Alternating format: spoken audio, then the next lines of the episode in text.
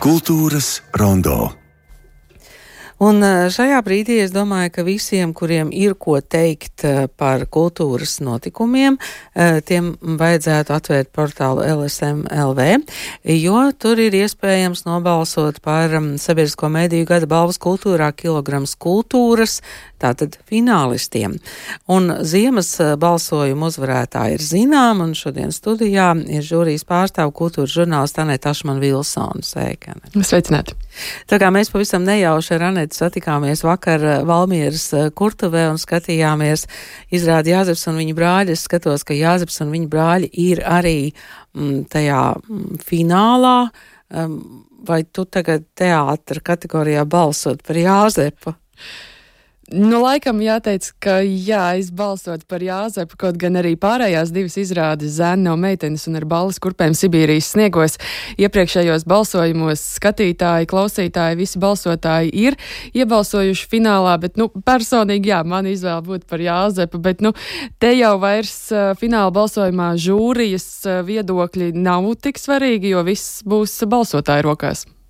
Tātad žūrijas viedokļi ir svarīgi faktiski izvirzot balsošanai, vai ne? Un pēc tam jau tad, ko nu skatītāji, klausītāji sabalso, tā tas arī ir.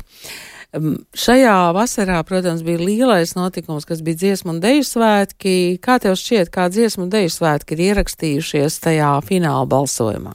Nu, diezgan daudz ierakstījušies. Mēs redzam dziesmu un deju svētku notikumus gan mūzikas kategorijā, gan kino kategorijā, arī popkultūrā un mantojumā un savā ziņā arī pārsteigumā un, protams, arī notikumu kategorijā. Līdz ar to, nu, protams, tas bija viens no lielākajiem mūsu 2023. gada Latvijas Latvijas kultūras notikumiem, un tāpēc loģiski, ka dziesmu svētki arī parādās lielā mērā finālā, bet tas nenozīmē, ka citu notikumu trūka un tie būtu bijuši bālāki vai neizteiksmīgāki, jo raugoties uz šīm desmit kategorijām un uz tiem trīs finālistiem katrā, mēs redzam, ka nu, ļoti bagātīgs tas gads ir bijis arī citās sfērās.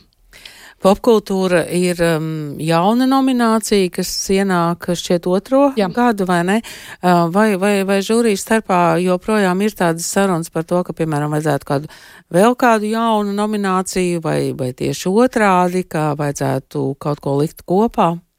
Raugoties uz šo gadu, mums jau ir bijusi sapulce, kur mēs apspriežam, vai mēs kaut ko mainām vai nē.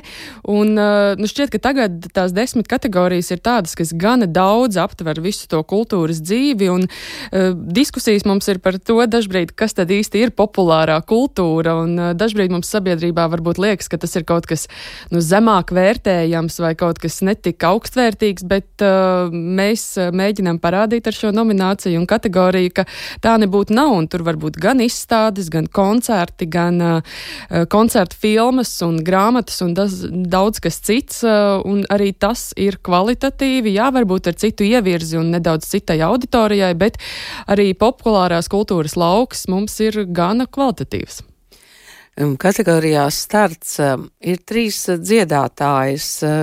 Kā jūs to komentētu, jo tikpat labi var būt starts teātrī, varbūt, varbūt starts vizuālajā mākslā jums? Trīs dziedātājus. Jā, es uh, nedaudz tā kā, nu, mēs katrs esam žūrijā sadalījuši, kurš tā kā kūrē vai uzņemas atbildību par kuru kategoriju, un man ir starta kategorija, un es par šo arī domāju, jo arī starts ir otro gadu finālā, kā atsevišķa nominācija, un otro gadu visi šie trīs finālisti ir ar mūziku saistīti. Uh, bija izvirzīti arī dizaineri, tērpu mākslinieki, jauni kino režisori, aktieri un citu jomu pārstāvi, bet, nu, te mēs redzam, ka vai, nu, mūziķi mūziķiem, jauniem dziedātājiem un skatos māksliniekiem ir lielāks fanu pulks vai vieglāk viņi viņus uzrunā vai vēl kādi citi iemesli, bet nu tā nu balsotāji ir lēmuši un uh, arī šogad trīs dziedātājs. Jā, katra gan pilnīgi citā žanrā un, un dažādas šīs mūziķis ir, bet uh, pārstāv mūzikas jomu. Tagad par to balsošanu. Tātad um, portāls LSMLV, tad lūdzu pasaki vēl to laiku. Un vēl man jautājums, mm, nu, ja man nav uh, to savu favorītu kādā no kategorijām, drīkst arī tā būt? Jā, tā noteikti drīkst būt. Varbūt kaut kas nav redzēts, jo arī mums žūrijā ir diezgan uh, pagrūti aptvert visu to lielo Latvijas kultūras notikumu lauku. Bet, uh, jā, var tā tad doties uz LSM portālu un līdz 31. janvāra pusnaktī izvēlēties savus favorītus. Nav obligāti jāatzīmē katra kategorija. Var kādu arī izlaist, un tad uh, tur lapas apakšā ir iespēja vai no nu ar kādu sociālo mediju kontu reģistrēties vai ar savu e-pastu apstiprināt balsojumu, un balsot var katru dienu, tātad no šodienas līdz pat 31. janvārim, un tad jau 16. februārī kilograms kultūras uh, ceremonijā, balvu pasniegšanā mēs uzzināsim, kas tad būs iebalsots un kas tad būs tie 2023. gada favorīti desmit kategorijās. E, ko mēs varam pateikt par e, šo ceremoniju? Vai, vai tur ir kaut kas jau zināms, ko jūs varat pateikt? Jā, būs redzams tur, būs dzirdams tur.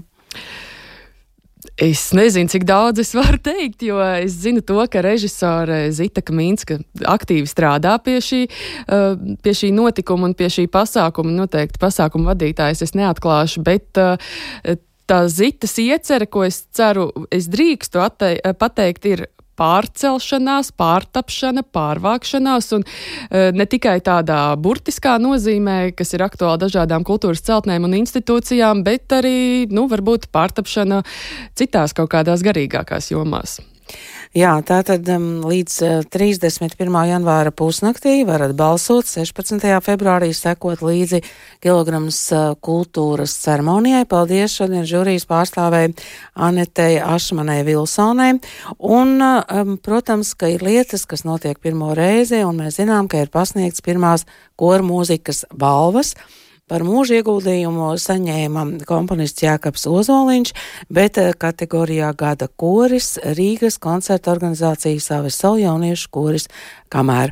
Kas to var zināt, varbūt eh, koru mūzikas balva kļūs arī par nākamām kilograms kultūras um, kategorijām.